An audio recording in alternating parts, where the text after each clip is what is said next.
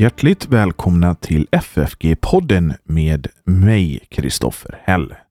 Idag så ska vi titta närmare på någon text utav Hugo Odeberg från hans bok Ransakan. Är det så att man vill ge ett bidrag till församlingsfakultetens och den här poddens arbete, då går det bra att göra det på Swish. Numret är 123 100 8457 och så märker man det med FFG Gåva eller FFG Podcast så kommer det fram till rätt mottagare. För andra sätt att ge ett bidrag till församlingsfakulteten besök vår hemsida ffg.se. Jag vill också påminna om eh, kursen med Paul Rabe som är för er som lyssnar på det nu på fredag den 16 så är det nästa vecka. Eh, onsdag, torsdag och sen är det bibelkonferensen om den helige ande på fredag och lördag, så 22-23 februari 2024. Och på kursen med Paul Rabe är det anmälan info.ffg.se men på bibelkonferensen är det bara att dyka upp.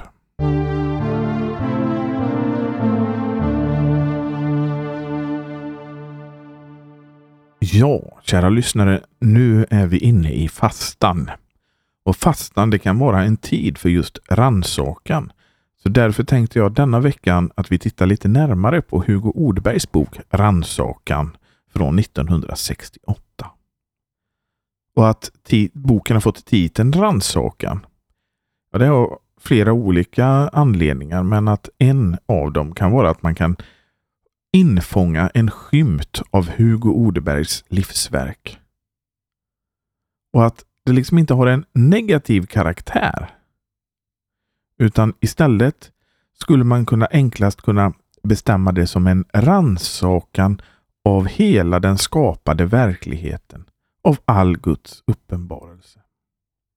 Och Hugo Odeberg är ju en teolog som var professor i Nya Testamentet i Lund. Och vi har talat om honom flera gånger i den här podden, så gå gärna tillbaka och lyssna på någon av de avsnitten.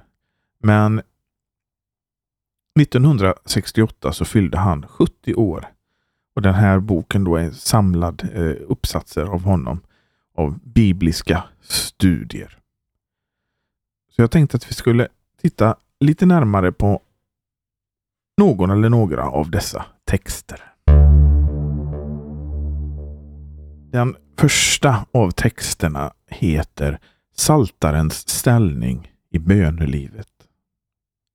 Salmerna är med i den kristna gudstjänsten, i Jesu gudstjänst från början. Grundläggande är att Jesus uttryckligen genom sitt förhållande till synagogans gudstjänst har förklarat denna som en gudomlig stiftelse och gåva. Den första kristna gudstjänsten var ingenting annat än synagogans gudstjänst. Salmerna är en integrerad del i denna. Gudstjänsten kallas helt enkelt bön. Detta framgår också av Jesus citerande av Gamla testamentets ord genom profeten Jesaja kapitel 56.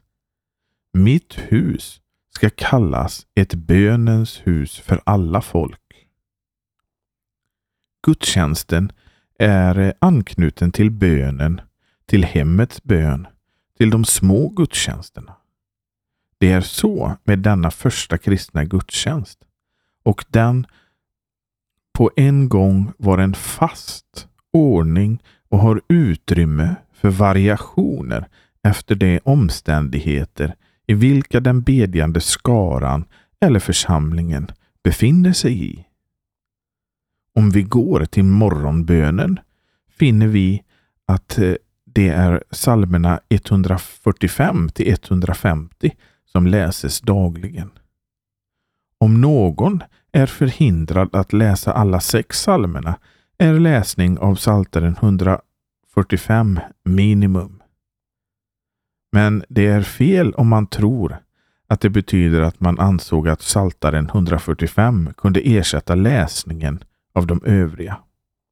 Det är tvärtom så att förutsättningen för att Psaltaren 145 kan läsas är att man sedan barndomen är förtrogen med alla psalmerna så att man kan dem utan till. Då har man i varje vers förbindande trådar, associationer till alla andra psalmerna. Det finns spår som går till centrum, till den helige själv. Det som upplevs är då allt vad skriften ger och det innebär att man i skriften alltid ställes inför det stora perspektivet från skaparen till änden, från höjden till djupet, från djupet till höjden. För varje gång man läser Psaltaren 145 tänkes man ha den i det undermedvetnas koncentrerade liv upplevt alla de föregående psalmerna. Psaltaren 145 är representativ för många av de aspekter man har på bönen. På grekiska och hebreiska finns för ordet bön ett rikt antal synonymer som eh, inte har kunnat återges på svenska. Vi har först det hebreiska ordet teila, en lovsång till Herren och skaparen och uppehållaren. Man ställs inför skaparens under. När den nya dagen skapas ställs man inför detta. Var det ljus? Man påminnes om de sju dagarna i skapelseverket. Jag vill upphöja dig, min Gud, du konung, och välsigna ditt namn alltid och evinnerligen. Jag vill dagligen välsigna dig och prisa ditt namn alltid och förutan ände. Sedan kommer tacksägelsen, lovsången, som har den hebreiska termen toda. Vad tackar man för? Jo, för Guds handlande med människors barn. Detta uttryckes i psalm 145. Nådig och barmhärtig är Herren, långmodig och stor i mildhet. Herren är allom god och förbarmar sig över alla sina verk. Alla dina verk, Herre, skola tacka dig och dina fromma skola välsigna dig. Det som uppstämmer denna lovsång är sådana som tackar under alla förhållanden. Det är inte sådana som har det bra, utan sådana som fått utstå lidande och bedrövelse. Men det är tacksamhet till Herren för att han är nådig och barmhärtig, stor i långmodighet och trofasthet. Det är tacksamhet till Herren för hans handlande med människors barn. Det är tacksägelsen eller lovsången till honom som frälsaren. Formen som i alla variationer förekommer är denna i Saltaren 145. Herren upp, uppehåller alla dem som falla och uppreser alla dem som nederslagna äro. I Psaltaren 146 heter det Han som skaffar rätt åt de förtryckta, han som giver bröd åt de hungrande. Herren löser de fångna. Herren öppnar de blindas ögon. Herren upprättar de nedböjda. Herren älskar de rättfärdiga. Herren bevarar främlingar, faderlösa och änkor uppehåller han. Vi kan då erinra oss att det är med denna formel i den heliga skrift Jesus ser hela sin verksamhet sammanfattad. Vi finner det i Lukas 4.18 som talar om Jesus i synagogan i Nasaret när han läser från Jesaja 61. Sedan har vi den åkallan för vilken det finns två termer i hebreiskan. Det är taknunim, bön om förbarmande och stelika, bön om den förlåtelse som kommer från Gud. Det är fråga om en botsalm En åkallan till Herren utifrån nöden. Som botsalmer kan man bruka ej blott de som traditionellt benämns de sju botsalmerna, alltså Saltaren 6, 32, 38, 51, 102, 130 och 143. Utan även sådana psalmer som 25, 28, 33, 65, 67, 86 och 103. Ja, strängt taget varje psalm. Jämför med andra Timoteusbrevet 3.16.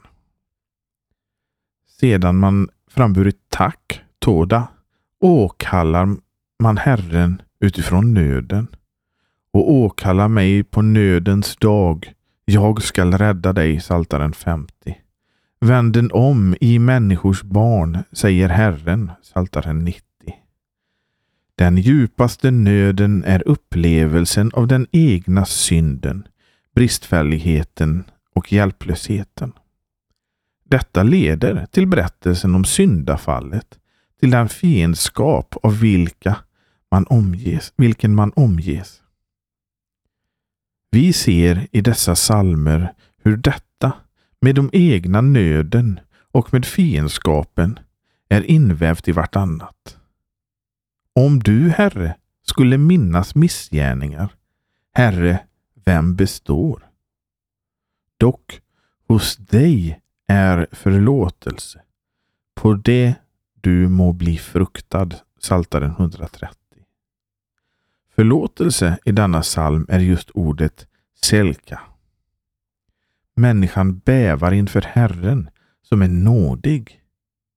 Det är inte fruktan som kommer först, utan nåden kommer först och sedan kommer bävan inför denna nåd. Psalmerna slutar inte med sorg och gråt utan med glädje och tacksägelse. Herrens lov skall min mun uttala och välsigna, skall allt kött hans heliga namn alltid och förutan ände. Psaltaren 145, 21. I psalmerna 145 till 150 talas det om att lova med sång och musik. När själen, hela varelsen kommer i beröring med eh, de heliga orden slutar det i harmoni. Det talas om en ny sång. Psaltaren 33.3, 44, 96.1, 149.1 jämför med Jesaja 42.10 och Uppenbarelseboken 5.9 och 14.3. Detta visar på variationer i skapelsen. Liksom varje människa är något nytt för sig är varje bönetillfälle något nytt för sig. Det är Herren som alltid är densamme. I aftonbönen kan vi naturligtvis finna salmer som anknytning till detta. Att man lovar Herren för den dag som varit och beder om beskydd för den kommande natten. Si, välsignen Herren, alle i Herrens tjänare, som stån i Herrens hus om natten. Saltaren 134. De som där står i Herrens hus, de bereder då för alla de som åtnjuter sömnens gåva som sover. Och den som vaknar under natten, han anropar då Herrens namn. Man kan erinra om Saltaren 4, där det talas om detta. I frid vill jag lägga mig ner och i frid skall jag somna in, ty du, Herre, den ende, låter mig bo i trygghet. En bekant grupp av salmer är Hallesalmerna 113 till 118 som hör tillsammans med de stora högtiderna som också är att betrakta som koncentrerat. Där har man anknytning till alla salmerna. Dessa salmer hör särskilt samman med påsken. Det så att säga levde på läpparna hela påskhögtiden. De har samband med nattvardens instiftande där det heter och sedan de sjungit lovsången, det vill säga Saltaren 115 till 118, den senare delen av Hallelsalmerna, gingo det ut Matteus 26.30. För den första kristna församlingen och för de första lärjungarna måste det efter Jesu bortgång vid läsning av dessa salmer varit ständiga allusioner till vad Jesus talade till det som skedde med honom under påsken. Den sten byggningsmännen förkastade har blivit till en hörnsten. Saltaren 118.22. Skriftens ord hade han själv lärt dem. De talar alltid innerst inne om Kristus redan från första Mosebok kapitel 1. En annan grupp av salmer är Psaltaren 120 till 134. Det som börjar med Shir Hamalot utom eh, Psaltaren 121 som börjar med Shir Lamalot. Men det är ju samma sak. Nu är det översatt med en vallfartssång. Luther hade en visa i högre koren. Men det hör samman med detta trappstegsformande malott, detta uppstigande. Församlingens bön är förutsättning för den enskilda bönen. Den ensamme är likaså innesluten i församlingens bön. I den bedjande skara. Han lever inte bara för sig själv. Exemplet är Jesus Kristus själv när han gick ensam på berget för att bedja. Det var då inte så att han avskar sig från den gemensamma bönen utan hans bön inneslöt i sig det mångas. Kristi bön i ensamhet är förutsättningen för varje enskild människas bön och för varje gemensam bön i församlingen. Det är ju känt att det fanns en bön för varje veckodag och denna psalm, denna bön var att betrakta som en gudomlig gåva. I en psalm den 92 erinras om en särskild veckodag. Missmor Shir Leom Hashabat. En psalm, en sång för vilodagen. I Septuaginta är varje veckodag representerad i överskrifter till olika psalmer. Veckan upplever man så att man erinrar sig skapelseverket. Det talas om den första dagen och på den första veckodagen läses Psaltaren 24. Det är en erinran om orden I begynnelsen skapade Gud himmelen och jorden. Första Mosebok 1. Sedan kommer Saltaren 48, 82, 94, 81 och 90, 97. Och slutligen sabbatens eller den sjunde dagens psalm 92. Det talas i denna om att det är gott att lovsjunga. Gott är att tacka Herren och lovsjunga ditt namn, du den högste.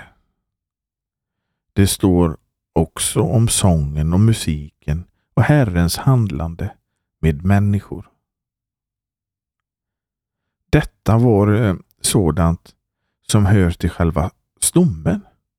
Sådant till vilket man alltid återkommer. Utväljandet av grupper utav salmer har till förutsättning att man är förtrogen med alla salmerna. Har man läst dem i den enskilda andakten? Här kommer vi eh, så in på den friare ordningen. Man har haft en kontinuerlig ordning vid läsningen av psalmerna så att man läste alla 150 på en månad. På samma sätt som eh, på tre eller ett år läses Torah, Moseböckerna, som veckans texter, så läste man ungefär fem salmer om dagen. Det fanns ingen bestämmelse om antalet. Ty då synagogans böneordning var att betrakta som en gudomlig stiftelse och gåva var det otänkbart att en grupp eller myndighet inom församlingen skulle föreskriva en viss ordning. Men det var givetvis fråga om en viss ordning, en gudomlig ledning. Så blev det denna ordning och samtidigt denna frihet.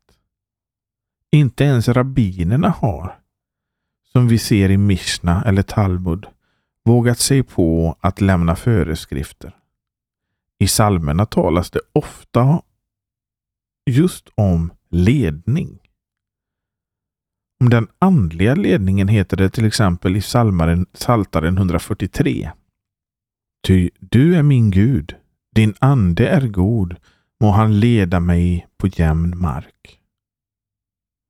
Till friheten hörde att vid varje tillfälle särskilda psalmer kunde framföras. Varje gudstjänstdeltagare kunde komma med salmer. Denna ordning och frihet som har funnits är det som åsyftas i Kolosserbrevet 3.16. Låt en Kristi ord rikligen bo ibland eder, undervisande och förmanande varandra i all vishet, med salmer och hymner och andliga orden, sjungande i nåden till Gud i edra hjärtan.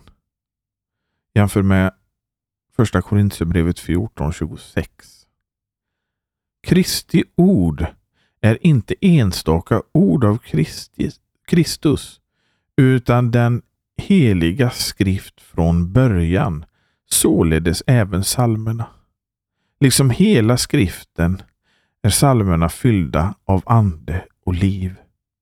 Låten eder uppfyllas av ande, talande med varandra i salmer och hymner och andliga orden sjungande och spelande i edert hjärta till Herren för, förbärande, frambärande tacksägelse alltid för allt i vår Herres Jesu Kristi namn åt Gud och Fader. Efesierbrevet 5.18 Nästa text jag tänkte att vi skulle se närmare på heter Det nya livets mysterium. För det nya livet gäller det som är typiskt för hela evangeliet. Att det är ett djupt mysterium, en stor gåta och samtidigt enkelt och tillgängligt. Det nya livet är på samma linje som att vända om, vilket Jesus kallar till. Och den nya skapelse som Paulus talar om i Andra Korinthierbrevet 5.17. I detta sammanhang skulle här kunna beröras en återgivningsfråga. I översättningen Det gamla är förgånget. Se, något nytt har kommit. Kan det infogade något missförstås. Nu kommer det till något nytt i förhållande till det gamla. I den nya skapelsen och omvändelsen är allt nytt. Det är en fråga om något helt nytt. I skriften är förnyelsen förbunden med omvändelsen. I Jesus samtal med Nikodemus i Johannes evangeliets tredje kapitel sägs dessa ord som för Nikodemus är obegripliga. Om man inte bliver född på nytt ovanifrån kan man inte se Guds rike. Hur skulle detta vara möjligt? Det är ju ej så att Nikodemus har en grov uppfattning av Jesu ord. Han vet att det är en fråga om andliga ting. Ordet anoten betyder på nytt och ovanifrån. Detta är något obegripligt. Att bli född igen. Det är realt menat. För att få det nya livet vända om måste man födas igen och födas ovanifrån. I jämförelse med detta är den fariseiska åskådningen helt i överensstämmelse med förnuftet och med det sätt på vilket evangeliet ofta har råkat förkunnas i församlingen. Jesus varnar för fariseerna på grund av faran att man i församlingen råkar ut för den fariseiska uppfattningen. Jag skall försöka följa de anvisningar som Jesus har gett och genom övning bli en bättre människa. Man skall enligt denna uppfattning se till att man reglerar sitt handlande. I fariseismen var sinnelaget avgörande. Det var ej endast en fråga om en yttre förändring utan man skulle till sitt sinnelag vara inriktad på det goda och genom övning lägga bort det som var ont. Det är detta som hör till det nya livet. Läggen därför bort lögnen och talen sanning Efesierbrevet 4.25. Resultatet överensstämmer med det resultat som Jesus anger. Man håller budorden, Kristi bud. Och nu säger Jesus inte att detta är ett fe en felaktig bild av det nya livet, men att felet är att man tror att man kan åstadkomma detta utifrån det liv man lever och så som den människa man är. Nu kommer detta orimliga. Ni måste födas på nytt. Människan är icke i sig själv ond. På vilket sätt? Hon är skapad till Gud. Född på nytt och ovanifrån är samma sak. Människan är född av Gud. Han är hennes fader. Inte endast i bildlig utan i real mening. Och med samma rätt kan sägas att människan är i grunden ond, fördärvad. Detta ursprungliga syndafallet har gripit så djupt in att människan är fången.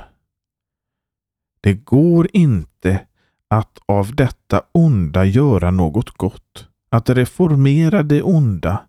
Ingen reformation är möjlig, utan det är en fråga om att födas på nytt. Hur går det till? Kan en människa föda sig själv? Nej, hon kan inte föda sig själv lika litet som hon kunde det i skapelsen. Därför är det en fråga om en naturlig anknytning till skapelsen, skaparens genom Kristus uttalande kallelseord vänden om. Den djupa innebörden av att vända om blir given. Den människa som vänt sig bort från Gud vänder sig till Gud. Jesus säger till Nikodemus att endast det som är fött av ande är ande. Och Nikodemus frågar Hur kan detta ske? Jesus svarar Du är Israels lärare och känner inte detta.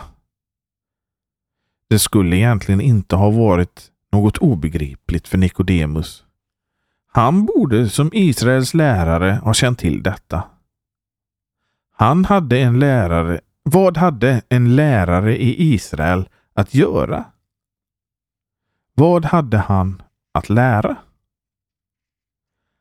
Han hade att lära Guds ord, den heliga skrift.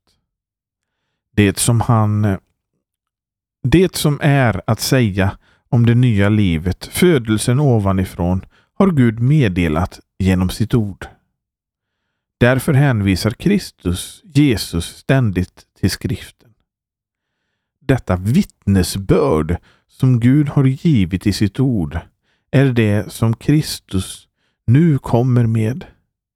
När Jesus säger vänd den om är det ett citat av det till profeterna givna ordet, till exempel Jeremia 3.22.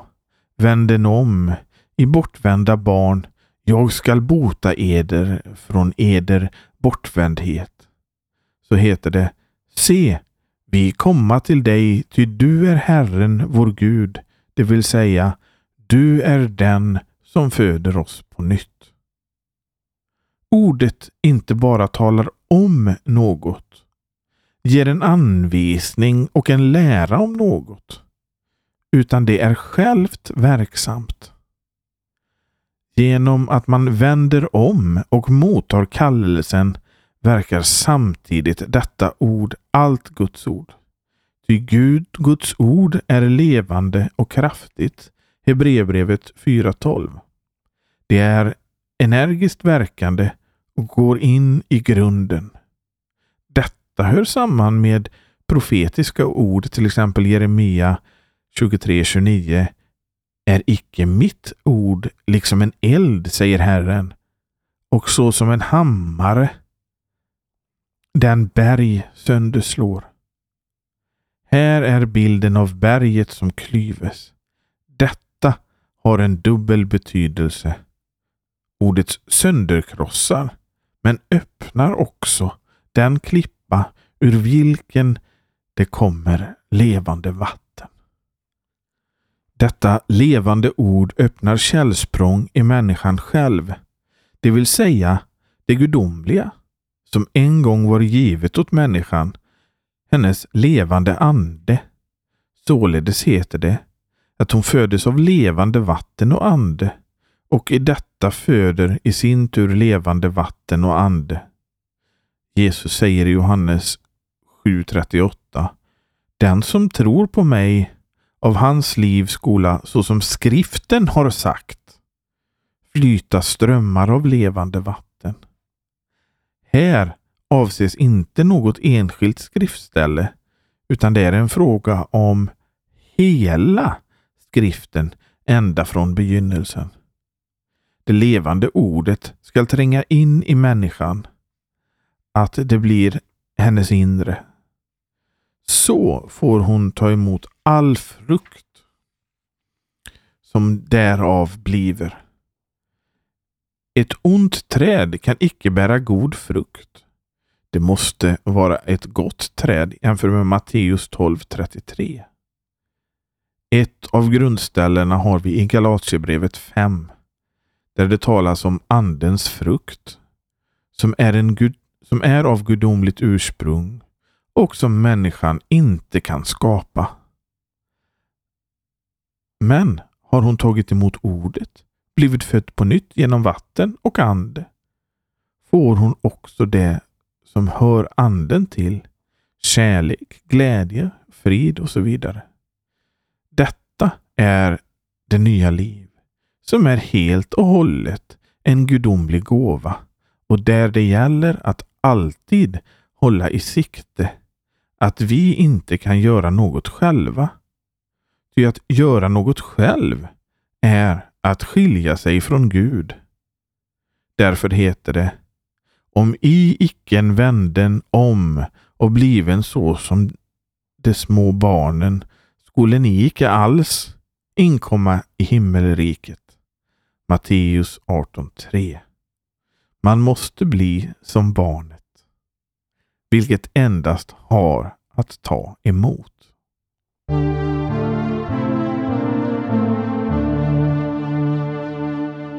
Ja, det var några tankar från professor Hugo Odeberg. Och hittar man den här boken på något antikvariat eller på eh, någon utförsäljning, till exempel här på församlingsfakulteten, så rekommenderas den att köpas. Den eh, finns mycket matnyttig teologi i den boken. Precis som i eh, övriga böcker av Hugo Odeberg. Och är det så att man vill ge ett bidrag till församlingsfakulteten och den här poddens arbete, ja då går det bra att göra det på Swish. Numret är 123 1008457 och så märker man det med FFG Gåva eller FFG Podcast. För andra sätt att ge ett bidrag till församlingsfakulteten eller att se vad som händer så besök vår hemsida ffg.se och vi hörs igen nästa vecka. Hej då!